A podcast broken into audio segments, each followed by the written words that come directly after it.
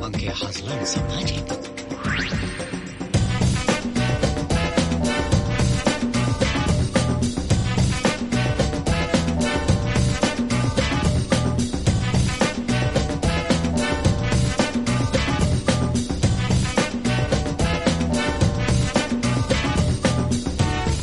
Hola a tothom, benvinguts al podcast de Lúdica. Aquest serà l'últim programa de l'any i, com és tradició, doncs eh, el dedicarem a parlar dels millors videojocs de l'any.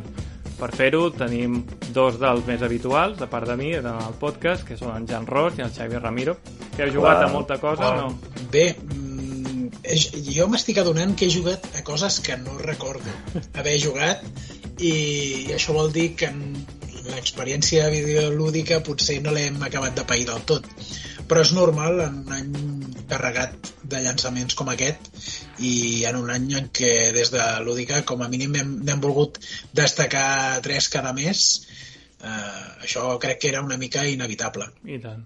Jo he jugat molt també, la veritat és que, que sí, tot i que quan veig la llista de jocs Mhm. me n'adono que per molt que jugui és com un impossible, no? Eh, no, arribaré, no arribaré a cobrir, eh, a cobrir gaire part de, de territori, no? Però sí, sí, eh, m'agrada molt jugar i per mi cada cop més és una eina de desconnexió i de relaxació, de relaxament.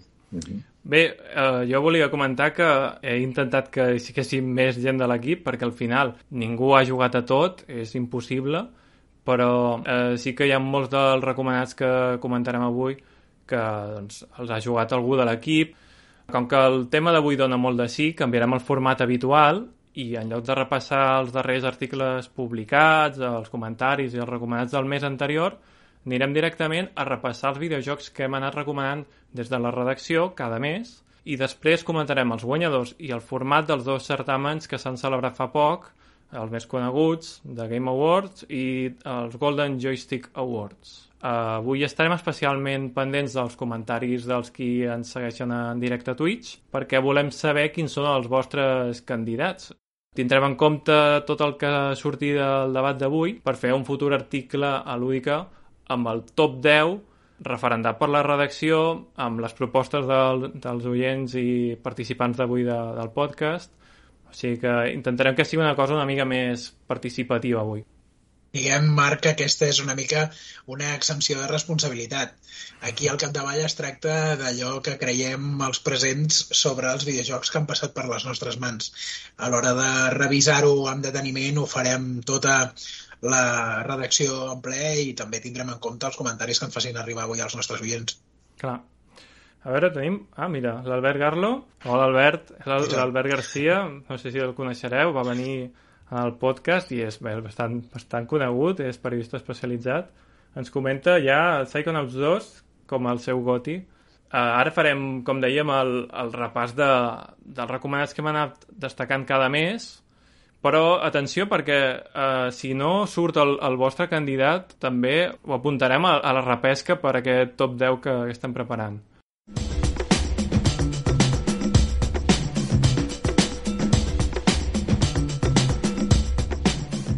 Molt bé, comencem doncs amb el mes de gener.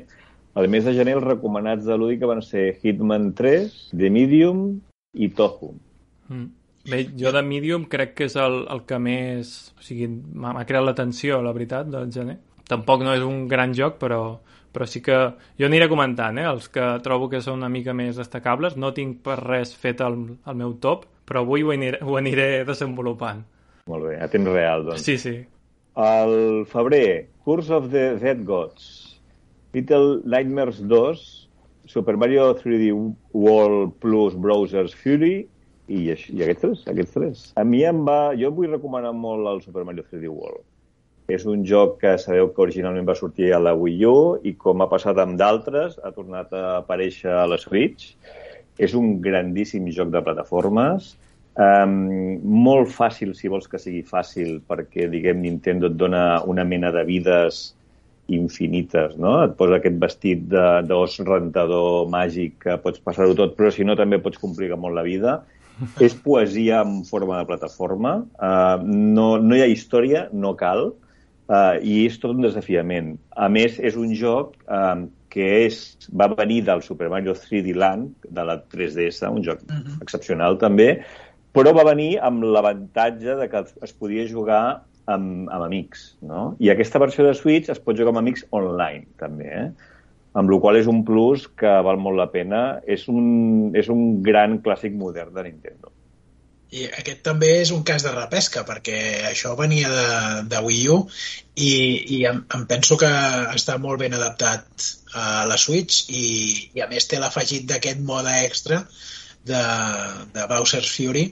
És un, és un dels títols que jo no només el vaig jugar el mes en què va sortir, és d'aquells que hi vas tornant i vas tornant i Mario ho això. Uh, no te'n canses mai i a més és d'aquells jocs que pots jugar tu deies mode cooperatiu en, en línia, però també en mode local. I, I això, això és molt agraït. Sí, sí, la gent que té amics ho deu passar molt bé. A mi, jo no en tinc i no t'ho puc dir.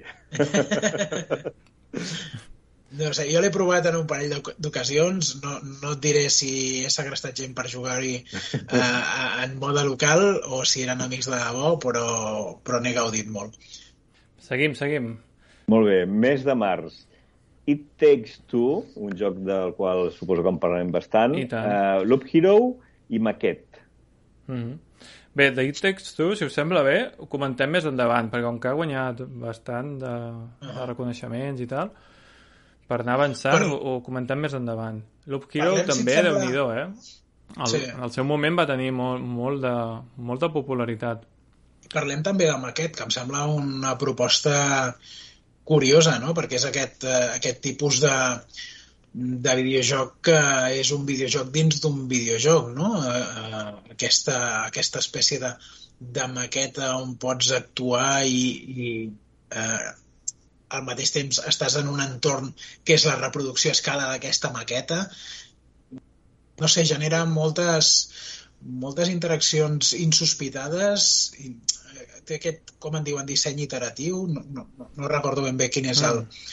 el tipus, el tipus de, de concepte que, que fan servir, però em va semblar una proposta realment brillant pel que fa al plantejament mateix de punt de partida. Molt bé. El mes d'abril, Odd World, Soulstorm, Outriders i Returnal. Mm -hmm. És l'última entrega d'una saga molt antiga, realment, no? Jo, la veritat és que el desconeixia, aquest joc. Crec que és una mica de culte, podríem dir. I em sembla que és destacable el que està fent Oddworld Inhabitants, que són la gent que està, que està adaptant aquests títols clàssics de, del l'Apes Odyssey, perquè, tot i que és respectuós amb l'original, em sembla que són videojocs al mateix temps contenen prou de nou com per ser atractius avui dia uh -huh. i al mateix temps hi ha aspectes en què són tan tan característics i, i tan eh, tan remarcables com, com ho eren els anteriors. Em sembla que al mateix temps en l'apartat interpretatiu també, també és destacable el joc i, i penso que paga la pena. No, no ens acostumem a centrar gaire en recreacions. El maleït remake de vegades se n'abusa. Potser, potser de remakes no, però de, de versions en alta definició i d'això en parlem molt sovint, però aquest és un d'aquells casos en què em sembla que la recreació paga la pena que, que la destaquem. I, i també voldria parlar de, de Returnal, que és un dels grans videojocs encara de PlayStation 5, mm. eh, que és una, una consola que s'està enlairant així molt de mica en mica per qüestions que tenen a veure amb, amb la distribució i, i, i, i també amb, el, amb l'escassetat de matèries primeres i els problemes que s'han generat en el subministrament de, de xips, per exemple. Això està afectant no només PlayStation, sinó tot eh, l'àmbit tecnològic. Però, però em sembla que també és un, un, un videojoc interessant i, a més, per part d'un estudi que havia fet videojocs molt diferents, que no tenien res a veure amb aquesta proposta eh, d'acció i, i que també també té una faceta roguelike bastant, bastant interessant amb, amb elements de progressió RPG.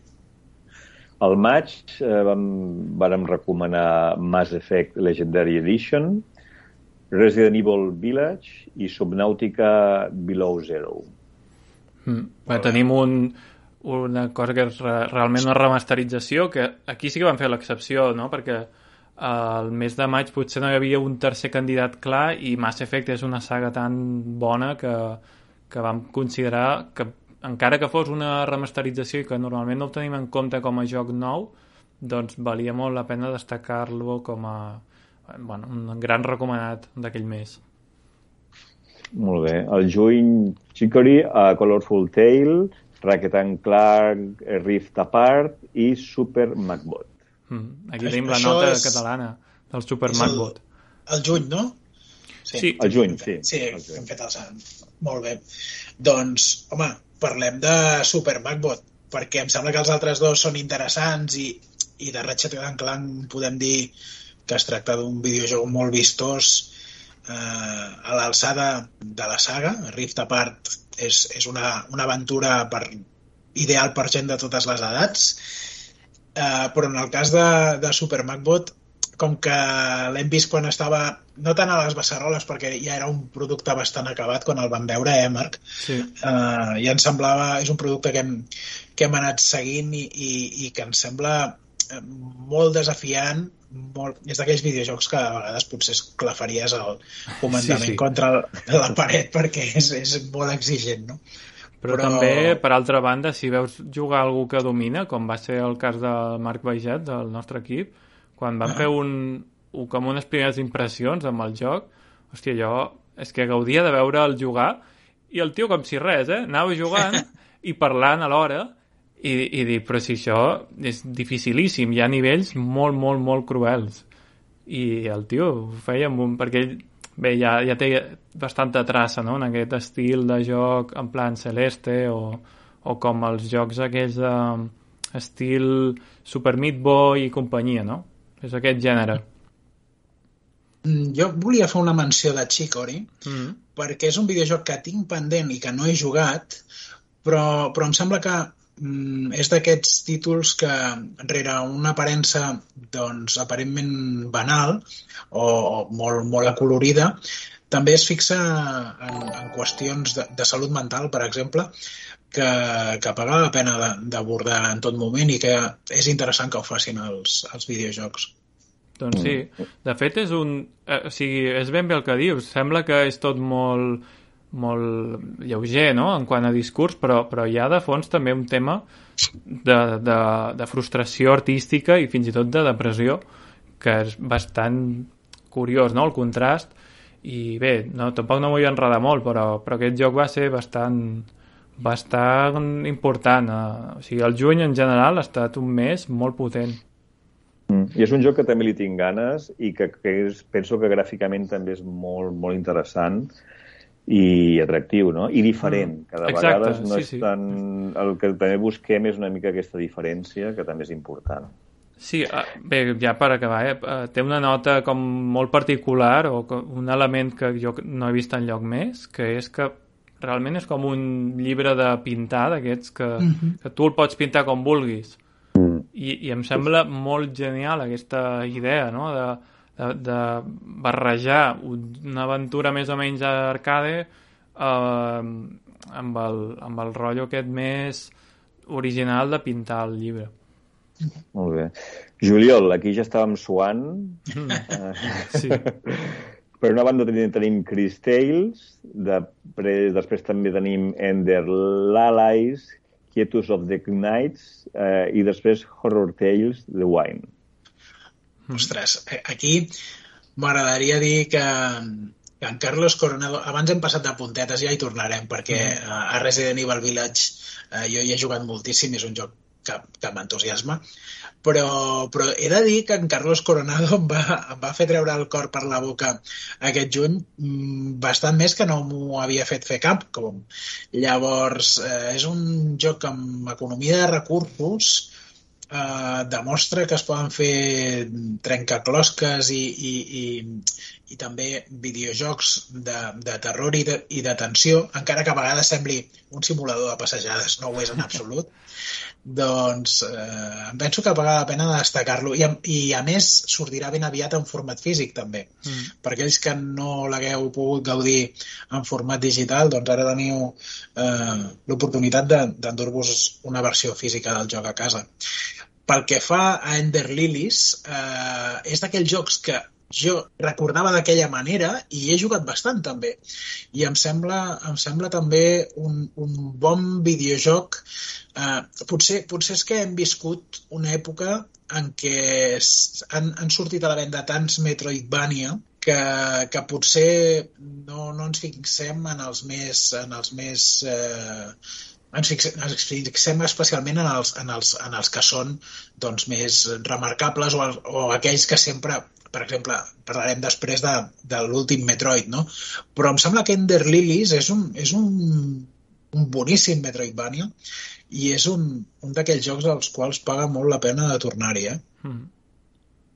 Bé, doncs Molt bé. seguim, portem ja més de mig any. Fantàstic. Doncs a l'agost teníem No More Heroes 3, Psychonauts 2 i Tormented Souls. Déu-n'hi-do. Sí. Aquest, sí, sí, Jan, aquí- tu els pots comentar perquè aquest mes sí que Bé. va ser cosa teva. No, no vas fer vacances ni res. no vaig, fer, no vaig fer vacances i per això, i per això eh, la profunditat amb què vaig ser capaç d'abordar aquests títols és bastant relativa. Per exemple, jo no he acabat cap d'aquests jocs i no perquè no m'agradin. Quan ara l'Al- l'Albert Garcia destacava Psychonauts 2, doncs em sembla un molt bon títol per, per triar com a millor de l'any. Segurament és dels més diferents i al mateix temps és un, un digne homenatge sense ser una repetició del Psychonauts original. Uh, L'apartat tècnic segurament no és res de, que sigui del més trencador i hi ha molts altres videojocs que, que li poden fer ombra, però em sembla que tampoc no aspira a destacar en aquest apartat. En canvi, en l'apartat artístic i en l'originalitat del plantejament, en la seva història, eh, que ja, ja era ja ho era l'original, no? Mm, Em penso que, que Psychonauts 2 eh, continua perfectament l'estela del títol anterior i molts anys després, eh? perquè estem parlant de... No, no Sí, sé sí. ben bé quants anys fa que va sortir... Era de la PlayStation 2. O sigui, no, no, s'ha fet esperar, però Double Fine em penso que ha satisfet, això és important, els nostàlgics d'aquell títol i em penso que també pot haver arribat a, a un públic a un públic nou que no coneixia Rasputin Aquato. Pel Mm. que fa a No More Heroes 3, ostres, doncs em sembla també una, una marcianada d'aquestes tan divertides com les que ens té acostumat en, en, en, en Suda 51 eh, és un videojoc d'aquells que també tècnicament té aspectes deficitaris perquè eh, Santa Destroy el que vei- veiem de, de la ciutat de Travis Touchdown eh, a vegades sembla, sembla més un escenari d'aquells buits que no, que no pas un, un, un, una autèntica ciutat viva però, però és tan rica la proposta juga- jugable. Hi ha tants eh, jocs dins del videojoc que em sembla que, que l'havíem de destacar per força. I, i pel que fa a Tormented Souls eh, doncs què voleu que us digui? Jo sóc un fanàtic del survival horror i la, la proposta d'aquests eh, germans bessons xilens, si no recordo malament, Dual F, em va, em va semblar molt interessant. És survival horror de la vella escola. Hi ha aspectes en què és evident que el survival horror ha evolucionat per bé en, en, en, en, en, per altres vies, però també fa recordar per què ens agradaven tant aquells títols amb càmeres fixes i, i en, en els quals costava tant de trobar les, les peces que necessitaven per continuar avançant. Em sembla un mes bastant potent, eh? Mm. El, el mes de- d'agost del 2021. Molt bé, al setembre vam tenir Deathloop, Kena, Bridge of the Sprite, of the Spirits. Spirits. Spirits. I Life is Strange, True Colors. També déu nhi Jo ja no sé què pensar, cada mes el veig bastant potent, eh? Sí, sí. Tot i que bé, Deathloop eh, per mi és massa semblant a Dishonored, és a dir, és dels mateixos creadors i em sembla que reciclen massa pel meu gust. Deathloop jo no l'he jugat, eh, m'agrada molt la banda sonora. Eh, des del primer moment que vaig sentir la primera promoció que sonava em va treure moltíssim i l'he estat escoltant i és, és, és molt, és molt... Trobo que és una banda sonora molt interessant, amb molta personalitat, a mi em passa una cosa, em penso que és per gent de la meva generació, això que diré, mm. perquè Deathloop em fa molta mandra perquè treballa una estètica que es va usar molt d'ella a principis del 2000. Molt. I que això la gent més jove, clar, no ho veurà més com una cosa, com una viscuda o més retro, però la gent de la meva generació respira molt molt l'estètica i l'ambient d'aquella època, eh, que és com una mena de retorn dels 70 eh, actualitzat, no? que mm. va combinar-se amb l'acid jazz, mm, que, on la banda sonora vull dir, també sona bastant, i això eh, ho, ho indico, eh? Vull dir, hi ha gent que li pot atraure molt, però hi ha gent que segurament li pot arribar a fer mandra. I jo, no sé per què, penso que aquest joc eh, li està costant, no?, uh mm-hmm. Engegar eh, genera una certa mandra a una part de, de la, dels jugadors. Em dóna aquesta sensació. Passa una mica quan hi ha propostes que des del punt de vista jugable poden ser mm, tan interessants com vulguem, però que sembla que no troben una estètica que connecti amb una audiència. I jo, per exemple, recordo en el cas de Borderlands, els primers trailers de Borderlands tenien una estètica bastant similar a aquest Deathloop, i després va, van optar per una estètica cel shading completament mm. diferent, mm. que va ser el que va fer el joc tan diferent i tan remarcable. Eh? O sigui, mm. em, sembla, mm. em sembla que el que deies eh, doncs va molt per aquí. Uh, pel que fa als altres dos jocs dels que podem parlar, doncs Life is Strange, uh, la nova bueno, aquesta sèrie episòdica d'una banda de, de Deck Nine i de l'altra de Don't, Don't Not Entertainment, em sembla que d'episodi dolent no n'ha donat cap, ni un. Però si aquest és remarcable dins de la saga, sabem que són episodis que potser tenen algunes coses en comú i fins i tot algun punt eh, de les històries pot ser que connecti eh, d'uns videojocs amb els altres, eh, el, que, el que destaca, el que fa destacable True Colors en aquest cas és sobretot la, la paleta de colors, no? És l'apartat gràfic em sembla molt, molt remarcable. Uh mhm. -huh. eh, em, em sembla que també que és un videojoc que des del punt de vista mm, argumental està tan cuidat com els altres, potser jo he tingut afinitat amb algun personatge més que no tant amb, amb, amb aquests darrers, però, però tot i així sempre sorprenen perquè, perquè aconsegueixen connectar amb el videojugador d'una forma que, que difícilment ho fan, ho fan altres jocs. Uh, I pel que fa a Kena Bridge of Spirits, ostres, un, és un videojoc que sembla una pel·lícula de Pixar gairebé, no? Sí, sí. Uh, I que al mateix temps també destaca com a videojoc. És, és un, un, un videojoc amb, amb combats interessants, però que també té faceta de, de trencaclosques, faceta de plataformes. Mm, la mecànica és simple, però al mateix temps és prou atractiva com per enganxar-te i això també fa que estigui oberta a, a, a públics de, de diferents edats, crec jo. Uh mhm. -huh. bastant, bastant interessant uh, aquest projecte d'Enverlat, que si no recordo malament és una òpera prima, eh? Sí, sí, sí, perquè era un estudi que realment es dedicava a l'animació. Per sí. tant, d'aquí aquesta estètica tan Pixar. Deixeu-me que us llegeixi el comentari de Pulga Tejana. Diu, els Dishonored són canela i el Prey també. Per tant, el, el Deathloop ha de ser la canya, però entenc el que dieu. Perquè, clar, és veritat que aquesta gent eh, que ha fet Deathloop sap molt bé el que es fa i, i bé, o sigui, en cap cas és un mal joc. Aquí el, el problema que, que sempre tenim o, bueno, problema, potser és una virtut, no? És una cosa bona. Sí. És que hi ha molta qualitat, aleshores hi ha jocs que al final no els recomanem per una cosa o l'altra, però per res vol dir que considerem que siguin eh, dolents. I sí. jo crec que Deathloop potser ens fa una mica de mandra per això, perquè s'assembla molt a Dishonored i ja, ja vam gaudir molt de Dishonored, però jo crec que si t'agrada molt uh, aquest estil de joc, crec que és una proposta molt recomanable. Sí, Bé, sí. De fet, de fet és, uh, està destacada, vull dir, d'aquell mes és una de les coses més, més destacades, sens dubte. Molt bé. Mes d'octubre, Age of Empires 4, Guardians of the Galaxy i Metroid Dread. Comença tu, Marc. Bé, doncs a veure, Age of Empires 4 jo crec que és, un, és una entrega molt bona de, que fa, fa aquest equilibri que ha de fer un joc que, que pertany a una sèrie molt, molt clàssica i és un equilibri entre aportar alguna cosa nova que la porta però mantenir tot allò que, que fa que fa el joc no? clàssic i, i que el caracteritza.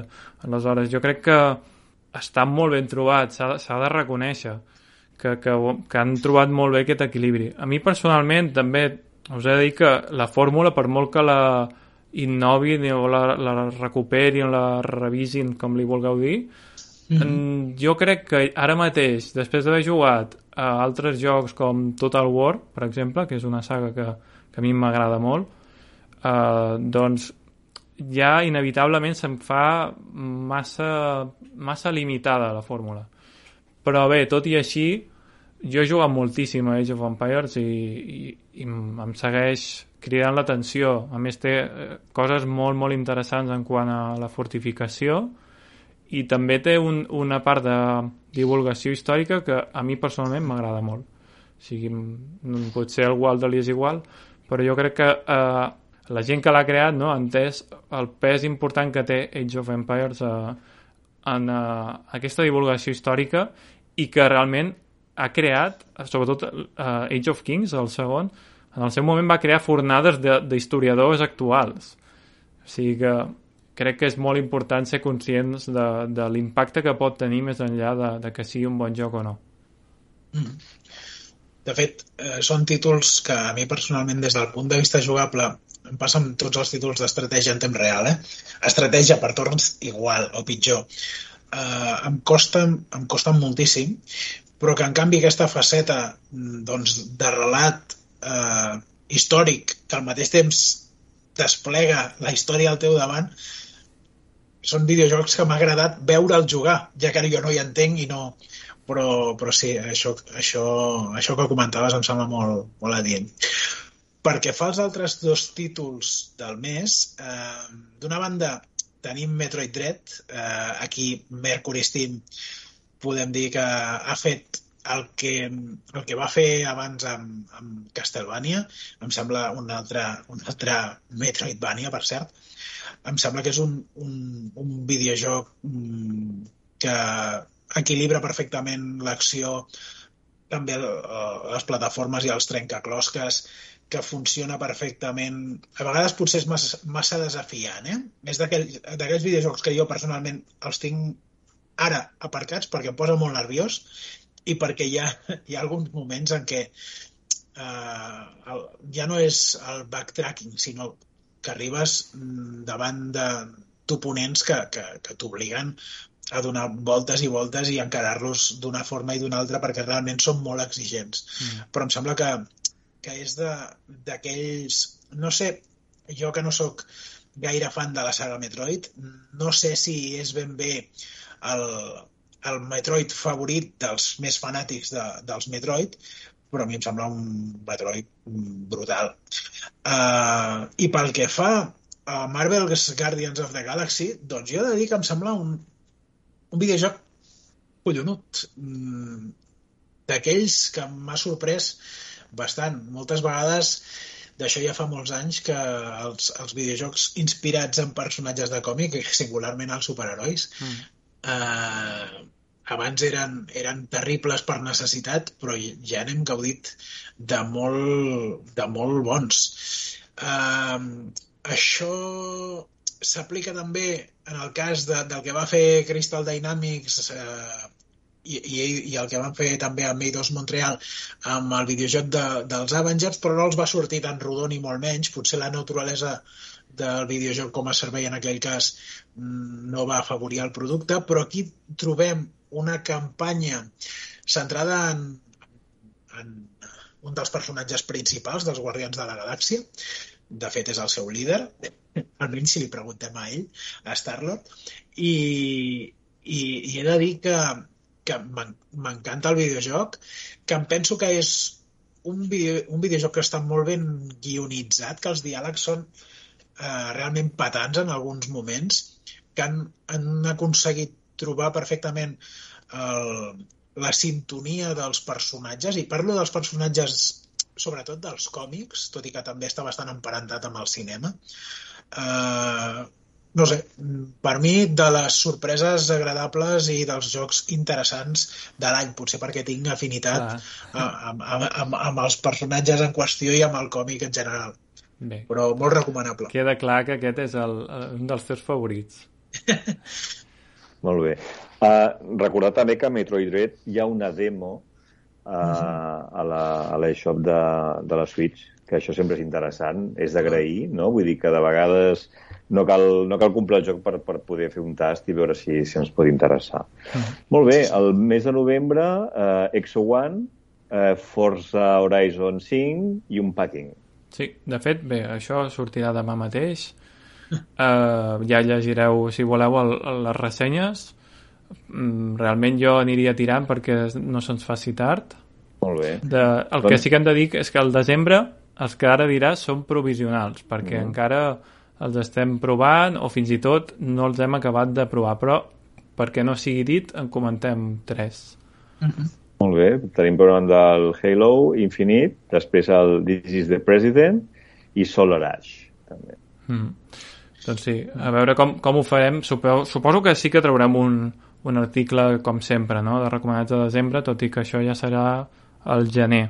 El que sí que, bé, a mi personalment el que m'està agradant bastant és el Halo Infinite i no, no em va agradar d'entrada el tema de, així, de món obert, que ja ho vaig dir al directe l'altre dia, però llavors m'he reconciliat i m'està enganxant bastant, tot i que no és el, el meu preferit de, de, la, de la sèrie, està prou bé. Mm -hmm. I, i bé, ja per no enrotllar-nos, jo sí que diria mm, de la repesca possible, no? un títol que em va saber greu deixar de banda, que és Far Cry 6, tot i que també hem de dir que ja estem una mica cansats dels jocs tipus sí. Ubisoft. Sí, sí, sí. És, és, és una mica... El, el vam destacar sense destacar-lo perquè és un videojoc remarcable però no va pujar al podi Uh, I és, és cert que Ubisoft peca molt d'expandir les de dilatar massa les fórmules i, i, i explotar-les fins al, al punt que ja no es poden explotar més però també al mateix temps em sembla que el, el títol té prou atractius i, i que els qui els agradi mm. el, aquest plantejament segur que n'han gaudit bastant segur, segur Bé, doncs, si us sembla bé, eh, ara que ja portem mitja horeta, passem a l'altre bloc del programa d'avui, que és comentar els dos certàmens de premis que s'han fet recentment. Primer, ja que va ser el primer que es va fer, Golden Joystick Awards, i llavors ja passarem als Game Awards.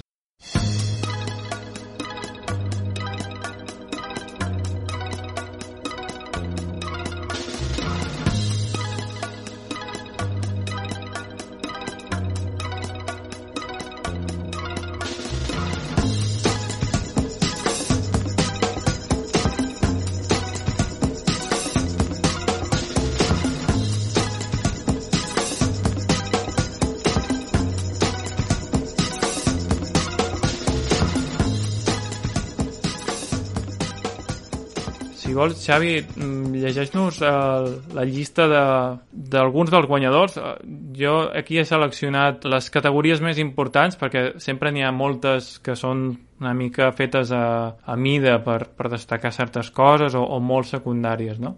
Enguany celebraven els 50 anys d'història dels videojocs comercials, és a dir, els videojocs mhm. com els entenem ara, no? I em sembla interessant, ara ho comentarem una mica el, el format que van, que van adoptar per enguany. Molt bé, doncs la selecció és el Best Story Storytelling, Life is Strange, Through Colors, el Best Multiplayer Game, It Takes Two, el Best Audio, el Resident Evil Village, el Best Visual Design, el Rocket and Clark, Rift Apart, el Mobile Game of the Year, League of Legends, Wild Rift, el Best Indie Game, el Death's Door, Ultimate Game of the Year, el Resident Evil Village, Ultimate Hardware of All Time, al, al PC, i el Ultimate Game of All Time, Dark Souls. Aquestes dues últimes categories les van afegir per, per això que deia, de que com que celebren els 50 anys, doncs van fer, més enllà dels millors de l'any, que també hi ha la millor consola de l'any, que va guanyar PlayStation 5, doncs van decidir fer això, el millor hardware de, de l'any, ai, de l'any de, de la història, i de, del millor joc de la història, que això, com tots els títols que es plantegen aquí, tots els guanyadors els ha triat eh, en, en votació popular els jugadors que han volgut votar i Dark Souls doncs ja sabem tots que té una comunitat molt molt fidel mm -hmm. i Mhm. jo crec que d'aquí que l'hagin triat com a millor joc de la història Mm.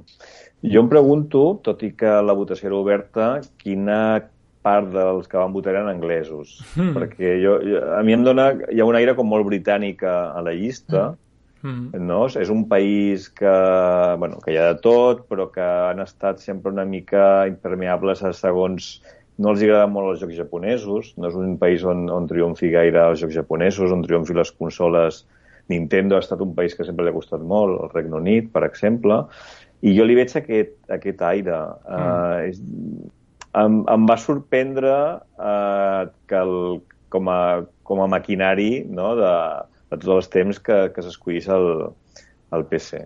No? Perquè té una lògica... clar, té una que- lògica però també té una trampa no? perquè al final és, és com o sigui, no és cap ordinador en concret, Sí. no és un maquinari en concret, no? Sí, exacte, exacte. No? o És sigui, com que segons com ho engloba tot. pensis té, És, és, com trampós premiar les consoles.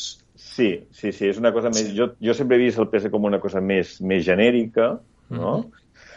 I, i bueno, eh, suposo que, eh, clar, eh, jo, jo, de fet ja ho van dir eh, a, la, a la mateixa gala, no? Vull dir, clar, el posar un títol de, del, del millor joc de la història eh, sempre crea polèmica, no? Clar. Perquè eh, és un títol molt gros, són molts de jocs, molts de gustos i, i bueno, en el cas de Dark Souls jo no l'he jugat gaire, l'he jugat una miqueta, no és el meu tipus de joc i no, mai, mai l'hagués posat allà, però eh, torno a dir-ho, és una qüestió de, de gustos personals. Mm. El que sí que Deixa- podem comentar és que aquest certamen l'organitza Games Radar, que és un, en realitat com un grup mediàtic que edita, entre d'altres, la bastant prestigiosa, podem dir, eh, revista Edge, que és britànica.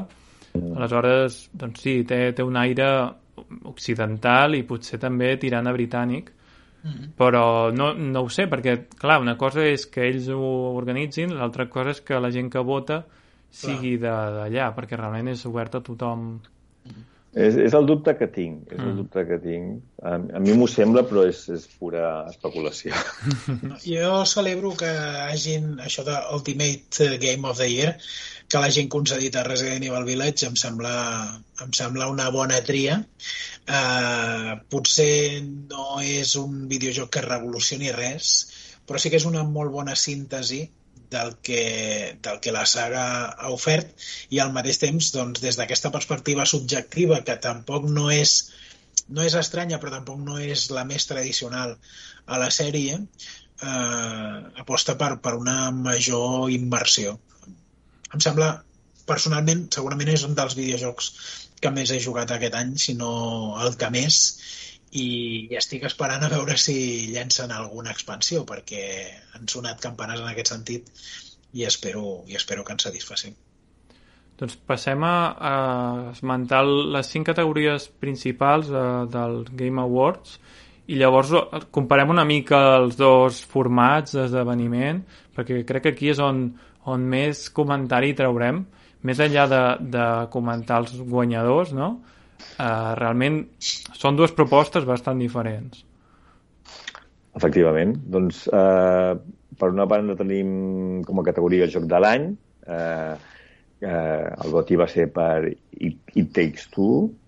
Uh, millor direcció va ser per Deathloop, millor narrativa per Marvel's Guardians of the Galaxy, la millor direcció artística va tornar a ser per Deathloop, i la millor banda sonora per uh, Nier Replicant, versió, atenció, 1.22474487139 i dos números més. Meravellós, meravellós.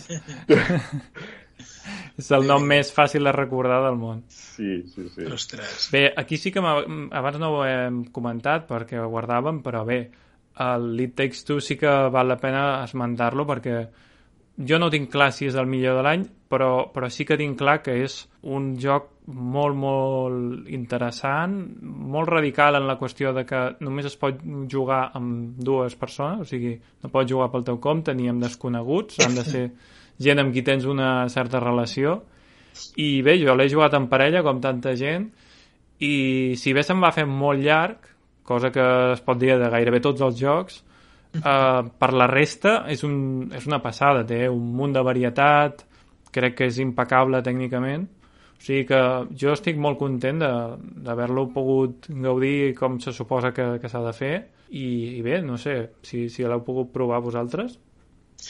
Jo, és d'aquells jocs que m'he mirat a fons eh, més abans del llançament que en el moment del llançament. L'esperava amb moltes ganes, però, però el tinc pendent per jugar-lo també quan, quan es pugui en parella, perquè em penso que, que és ideal. El que m'interessa saber és si us vau acabar llançant els plats pel cap o no, perquè, perquè com que és la història d'una parella en crisi que s'ha d'entendre per sortir-se'n d'una situació molt complicada, no Sí. sé si, si és ideal per jugar-lo en moments... És, és uh, sí, el, bueno, la temàtica és un divorci i un, i un senyor que es dedica... Bueno, és un senyor per dir una cosa, no? És un llibre realment animat que, que fa d'assessor de, de parella. És a dir, que és un, una temàtica també bastant mm, bé original en el videojoc, almenys.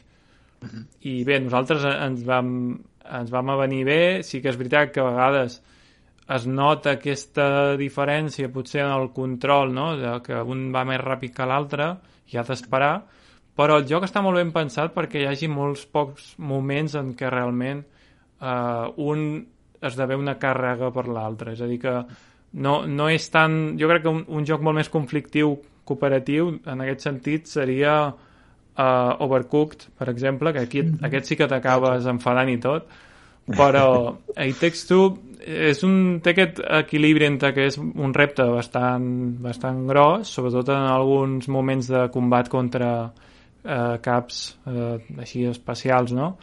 Però es porta molt bé, vull dir, si et maten a tu, l'altre pot seguir mantenint la partida viva i, i llavors tornes a, a aparèixer, saps? I hi ha aquest, a, a aquesta dinàmica que, que és difícil que es trenqui. O sigui, si no moriu els dos molt seguit, doncs no, no s'acaba la partida. I a la majoria de, de, del que és el gameplay no, no mors. Simplement et pots caure per un precipici i tornes a aparèixer immediatament. Cadascú pot anar pel, pel mapa bastant a la seva bola i és fàcil tornar-se a trobar. Mm. O sigui que està molt ben pensat, realment. És molt difícil que sigui frustrant eh, com, com ho són altres jocs cooperatius. I llavors, bé, sí que val la pena potser comentar altres candidats a joc de l'any, que al final sempre és la categoria que tothom, Sí. que tothom eh, mira. O sigui, aquí n'hem dit 5 perquè hi ha 30 categories i no ens aturarem a segons quines. Però bé, a la joc de l'any també hi havia Deathloop, que ha guanyat altres premis, Metroid Dread, Psychonauts 2, Ratchet Clank Rift Apart i Resident Evil Village. Mm, Se- tu, Jan, sembla per exemple, Resident Evil Village el veus com a millor candidat? Clar, no he jugat tots els altres. El que passa és que sí que em sembla un videojoc excel·lent i en molts apartats... Clar, en molts, en molts apartats sí que, sí que el veig clarament guanyador. El que passa és que em sembla molt interessant la proposta de disseny uh, d'It Takes Two, per exemple, mm. em sembla una bona tria. Potser no té l'entitat d'una superproducció com aquesta de Capcom, mm. però, però, però em sembla interessant que hagin triat It Takes Two perquè el, el responsable, el director del joc s'ha caracteritzat, ara no recordo el seu Joseph nom. Fares. Això, Fares. Um, s'ha caracteritzat per unes propostes també molt, molt originals, eh? I, Mm, sí, sí. i, i m'agrada que premin aquest tipus aquest tipus de- d'enginy que no només crea grans videojocs de gèneres que ja coneixem, sinó que innova fins al punt que la proposta jugable consisteix en una cosa que potser és bastant inclassificable respecte de, del que coneixem, no? perquè jo diria que It Takes Two potser, potser el podem emparentar amb altres videojocs de Joseph Fares, Sí, sí, Com- 100%. Brothers o eh, no recordo aquell de la A Way Out. A Way Out eh, però, però no sé, no sé si si n'hi ha tants que s'hi assemblin No, no, jo I- diria que no. i em sembla... És una persona molt interessada per aquest tipus de, de cooperació, no? Exacte. Sí, sí, Que- ha creat que- com el, la seva no sé com dir-ne, la seva temàtica o la... Té, té, té sempre aquest, aquesta iteració d'anar fent un, jocs cooperatius cada vegada més, més ben No, fets, no? Realment. Ha arribat a fer, en en el cas de Brothers A Tale of Two Sons, eh, és un videojoc cooperatiu però cooperes amb tu mateix, perquè estàs controlant tots dos germans alhora. I totes les propostes que ha perpetrat aquest bon home sempre, sempre a a mi sempre m'han semblat molt sorprenents i, i m'interessa moltíssim el que sigui que, que tingui entre mans perquè, perquè em crida molt l'atenció. Mm. De fet, mira, eh, ens donen la raó al xat, a Univers G8CO, diu, sí, ha anat millorant la fórmula, jo vaig jugar a, a la Way Out i molt bé, però aquest crec que és el més polit. Home, clarament s'ha anat eh, convertint en, en el mestre no, del, del joc cooperatiu, el Joseph Fares. Bé, jo el que sí que crec que ja podem encetar, perquè si no ja no tindrem temps, ens queden 12 minuts, és, és comentar amb un to potser més crític el format i el discurs Mm. dels dos certàmens. De, sobretot de Game Awards, crec que és el, com que és el més bombàstic, crec que és el que més podem parlar. Tu, Xavi, si vols uh, obrir el debat... Sí, sí. Jo tinc una visió una mica radical, eh? Vull dir que no se m'enfada ningú. Eh, L'esdeveniment va ser un... Per mi va ser un autèntic cunyàs llarguíssim. El vaig seguir eh, diferit mentre que treballava i tot i així se'm va fer se'm va fer pesat i per mi m'és molt difícil destriar el que és la part de l'esdeveniment del, del lliurament de premis del que és tota la mm, els anuncis, no? crec que, que formen part d'un mateix pack, no? Eh, sí que són dues coses separades, però en realitat és un mateix producte i jo ho trobo com una mena de supermercat. Uh, és, és com un catàleg molt, molt, molt gran de, de productes, de productes que la major part són AAA, uh, on sovint hi ha molta professionalitat, vull dir que són productes que es veuen elaborats, professionals, però mm, molta repetició, no molta originalitat. Uh -huh. Uh, la sensació una mica també de, de que hi ha una indústria que no li interessa tant que juguis, sinó que vagis comprant sense parar. Hi ha una contradicció evident entre aquests jocs que molts demanen desenes o centenars d'hores no? I, la, i la quantitat. No? Eh, Jo com a jugador penso que, que aquí hi ha alguna cosa que no, que no quadra. Després una altra reflexió també molt meva i que això contrasta tot contrastant-ho amb el Golden Joystick, no? perquè el Golden Mm. mm. Joystick eh, hi havia molta més, hi ha molta més varietat eh, de, de jocs, en canvi eh, el Game Awards, que hi ha molt d'anunci de AAA, jo cada cop ho veig més, no? Hi ha la influència del cinema per mi és massa, massa, massa forta en, aquest, en, el, en el AAA. Eh, són videojocs que, que estan esdevenint eh, pel·lícules interactives. No, això no és que sigui una cosa dolenta per si, és una experiència més del videojoc, però sí que, que, que no és a mi l'experiència que més m'interessa i, i trobo que, que, que tenim molta sort, diguem, de, del joc independent. Molta sort perquè penso que, que, el, que hi ha una direcció que, que a qui li agrada ho estarà gaudint molt, però però a mi no, no m'interessa massa, no m'interessa massa formar part d'una pel·lícula i participar-hi, tot i que poden haver jocs que m'han agradat moltíssim i que poden ser inclús els meus favorits que, que tinguin aquesta estructura. Però clar, aquestes quatre hores de veure constantment aquest hiperrealisme, no? aquesta visió cinematogràfica, eh, a mi em, em sembla esgotador i poc, poc interessant.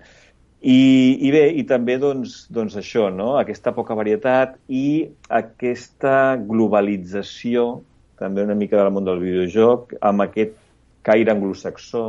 No? És veritat que els Game Awards doncs, eh, són uns premis eh, del món anglosaxó, igual que els Golden Joystick, però els Golden Joystick Awards es noten que hi ha un aire més europeu, eh, hi ha més... Eh, L'altre dia també van haver, per exemple, no? l'esdeveniment dels, dels indis de Nintendo, M'agrada molt quan fan això perquè surten els desenvolupadors que són de tot arreu del món parlant la seva llengua.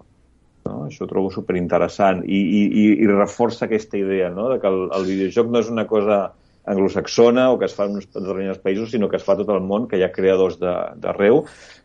El Game Awards em sembla com els Oscars. Uh, una gala necessària per a una indústria, però que apunta cap a una direcció uh, molt concreta. De totes maneres, jo crec que tenen un, un problema amb un format tan gran, perquè és que no he sentit a ningú que, li hagi, que, li- que hagi pogut suportar les 4 hores uh, en condicions.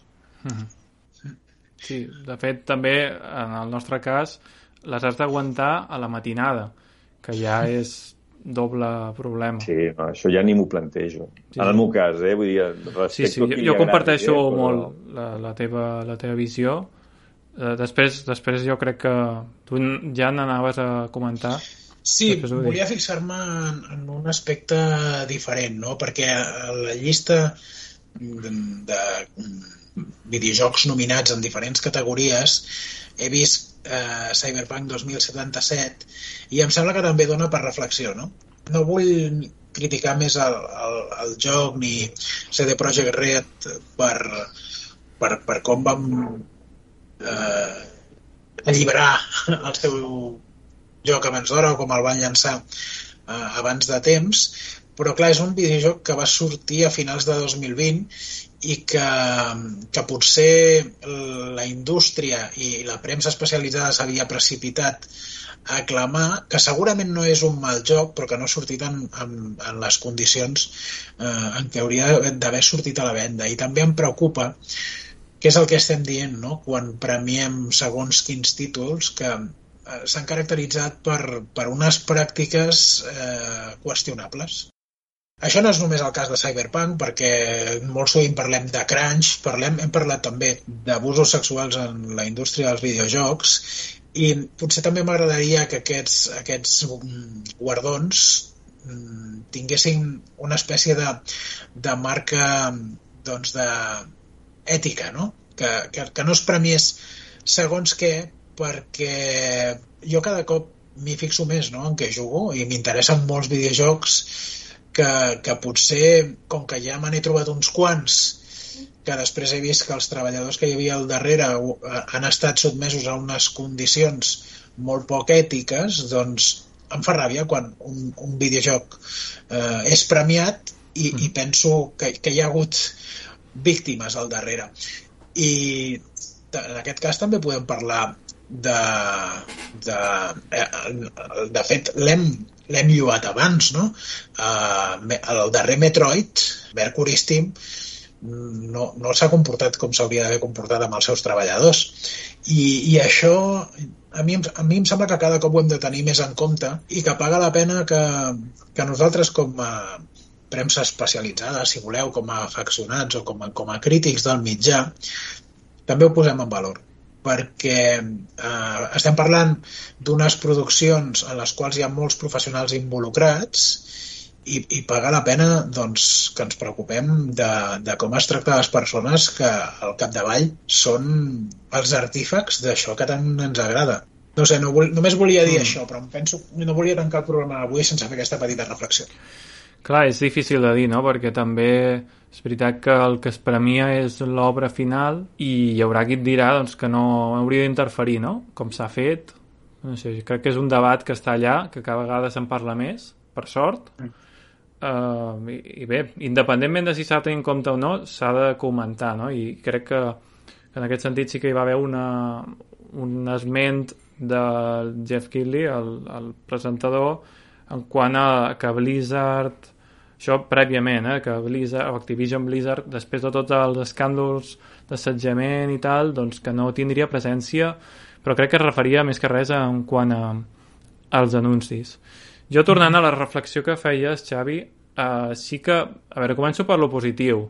És a dir, uh, evidentment que això és un, és un esdeveniment que té la intenció de ser el més important de la història i de, i de, de tot l'any, no? Més que inclús intenta uh, no només emular els Oscars, sinó passar-li per davant. I uh, en quant a espectadors, no, no sé si si s'hi pot eh, amb, o sigui, crec que fins i tot arriba no sé si superar-lo, però, però sí, apropa molt, no?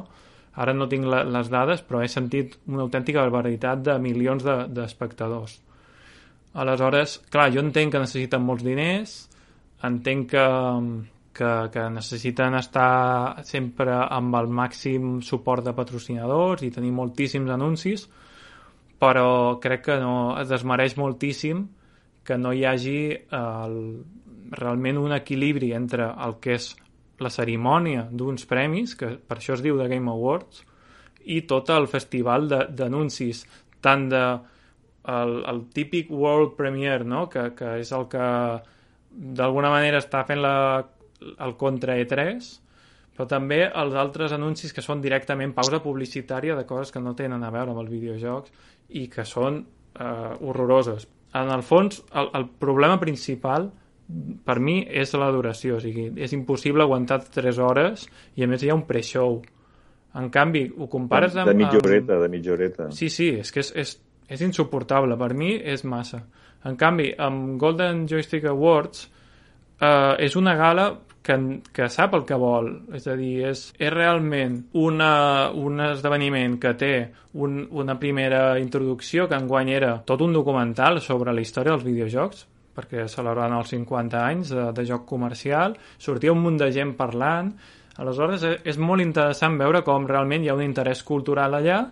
I llavors anaven eh, combinant sobretot el, el que és un, uns premis, que és esmentar quins són els candidats i quin és l'escollit, i llavors surten la, les declaracions dels que han guanyat el premi.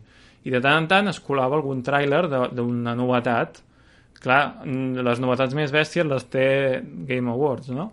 Però ells també tenien un espai reservat per, per trailers i crec que és un esdeveniment rodó en aquest sentit. És més curt, eh, està focalitzat en, en l'interès en uh, la cultura i en, en els qui fan la cultura i també té algun, algun tràiler per fer doncs, una mica de hype i, i a tots ens agrada que hi hagi alguna novetat també, no? però és que The Game Awards és, és una cosa insuportable. A vegades em sembla tan insultant quan, quan fan a categories que les, les diuen així de passada, no deixen ni, ni un moment de, de, de, de donar-li la cerimoniositat que necessita. Al final, uns premis és tot pura cerimònia, no, no té altra cosa, és un reconeixement. No? Si tu fas una cosa tan freda com llegir-ho ràpidament i vinga, anuncis una altra vegada, doncs t'estàs tirant pedres sobre la teva taulada. Aleshores, crec que s'ho haurien de fer mirar. Però bé, repeteixo, els està funcionant molt bé, tenen moltíssims espectadors i suposo que fan una fortuna també. És a dir que, clar, nosaltres podem dir missa, però, però llavors si la gent eh, que, que ho vol veure ho segueix mirant, doncs és, és el que hi ha, no? Tampoc no, és lògic no, ja, ja que cadascú demanda coses diferents. Vull dir, jo, jo crec que no hi ha que ser purità, vull dir, qui li agradi la mandanga d'aquest tipus, no? I, I la cosa més així, doncs, ho gaudirà. Òbviament és un negoci, vull dir, això no, no està promogut per cap associació o per cap agrupació o cap, o cap govern, sinó és un negoci privat vull dir, i, i tenen tot el dret a fer-ho. Mm. El que passa és que, bueno, eh, a mi com a jugador em desperta aquesta sensació de que estic sentint, passen altres camps, estic sentint parlar a la indústria, que és la part que menys m'interessa de tot això. O sigui, perquè la indústria és això, és el que deia també en Jan. eh, decideix fer productes que massa grans, massa cars, i perquè surtin a contra han d'explotar el personal, igual que està passant en el món de la moda, igual que està passant en, en molts de camps, no? Es faria En una canvi, puntualització, no? És la indústria, però la, la, la més, la part de les empreses grans. Exacte, sí, sí, exacte. Jo amb la indústria voldria dir això, no? Les, les multinacionals. Sí, sí, sí. això, No? Perquè bàsicament és això.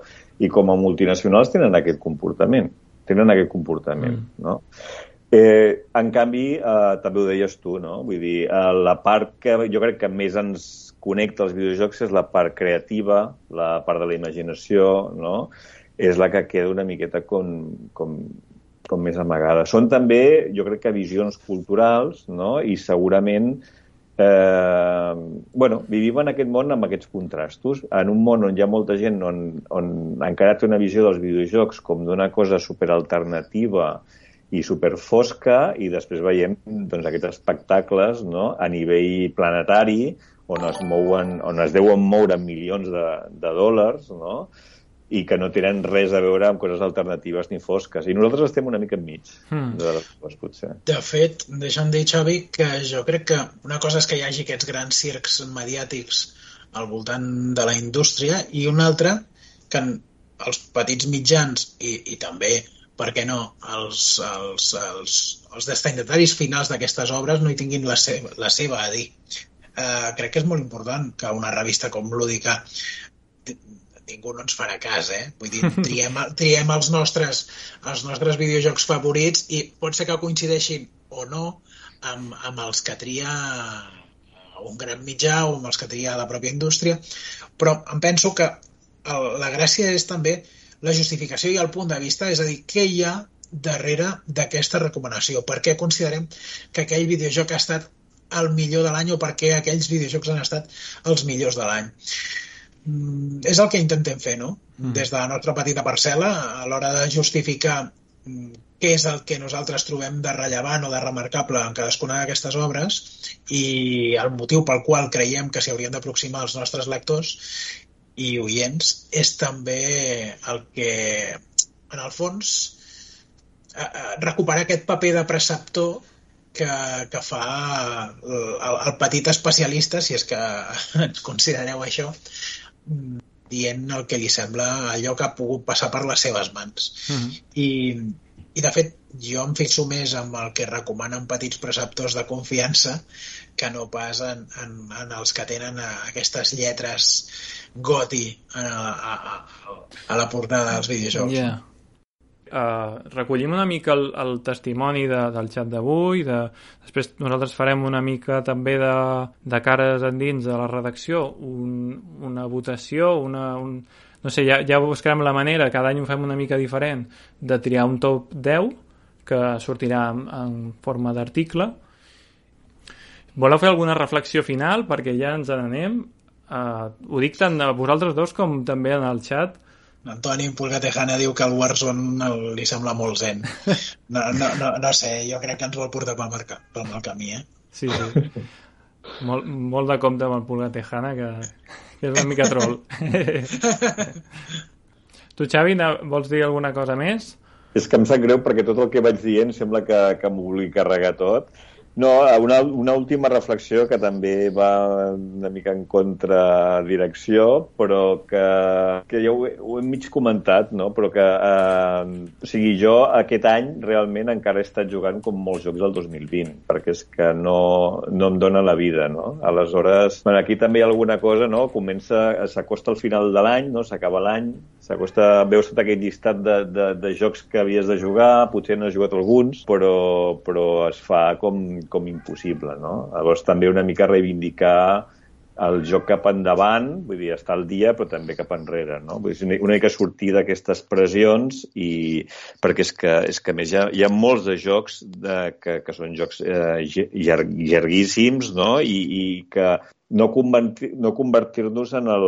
En, no sé si hi ha gent que està interessada en això, en gent que compra els jocs, els juga poques hores i els abandona per, per jugar un altre. No? Vull dir, jo crec que hem de tenir, com, hem de sentir com una responsabilitat i d'intentar no, que no ens posin aquesta pressa, perquè hi ha tantes vegades que estic jugant i sento que tinc pressa en acabar-ho quan en el fons m'està agradant, que Sí, hi ha alguna, sí. penso que hi ha alguna cosa que aquí, que aquí no quadra. Però bueno, el, per una altra banda, la indústria està viva no? I, i cada any surten molts jocs que ens interessen i això és, està, està superbé. Penso que estem, estem en, bueno, en una època bastant gloriosa. Ara pas, falta que tothom pugui fer el canvi de consola si vol, perquè Sí, sí, ja veurem. doncs, sembla que hi ha uns, uh, uns No, problemes això- importants. Sí. Això que deies, Xavi, perdona, em penso que, que ho hauríem de- d'ajudar a desmitificar. Eh? Per exemple, el, allò que fa que els usuaris s'inclinin més per a unes plataformes de, de continguts audiovisuals sovint no són tant les estrenes, sinó el que en anglès anomenen comfort food, no? Mm. L'oferta de continguts, no, no sé, la sèrie que tothom ja ha vist, eh, que sigui The Office, que sigui Friends, Plats bruts. doncs, clar, aquests, per exemple, per exemple aquests, aquests títols que sempre voldríem recuperar, doncs són també això, aquest, aquest eh, menjar que trobem potser no són plats exòtics ni, ni res de trencador, però ens agrada. Mm -hmm. Mm.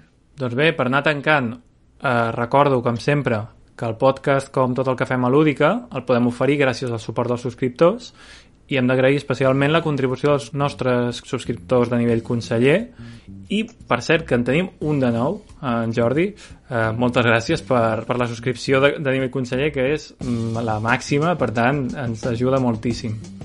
Per descomptat, també moltes gràcies a, a tots els oients, tant si ens doneu suport o no. Sabeu que també a Twitch ens podeu donar les subscripcions si teniu l'Amazon Prime, que no us costa res i no està de més tenir també una petita ajuda per a aquesta banda. I si us agrada el programa, recomaneu-lo als vostres amics. Recordeu que ens podeu seguir a Twitter, Facebook, Instagram i YouTube, a més de totes les plataformes on pengem aquest podcast. Sigui que moltes gràcies per ser-hi, esperem que us hagi agradat aquest programa i ens veiem ja després de festes, farem una pausa i cap a principis de febrer tornem amb, amb el podcast de Lúdica. Que vagi molt bé, Adéu-siau, Adéu. bones festes, adéu. Això, bones festes. bones festes!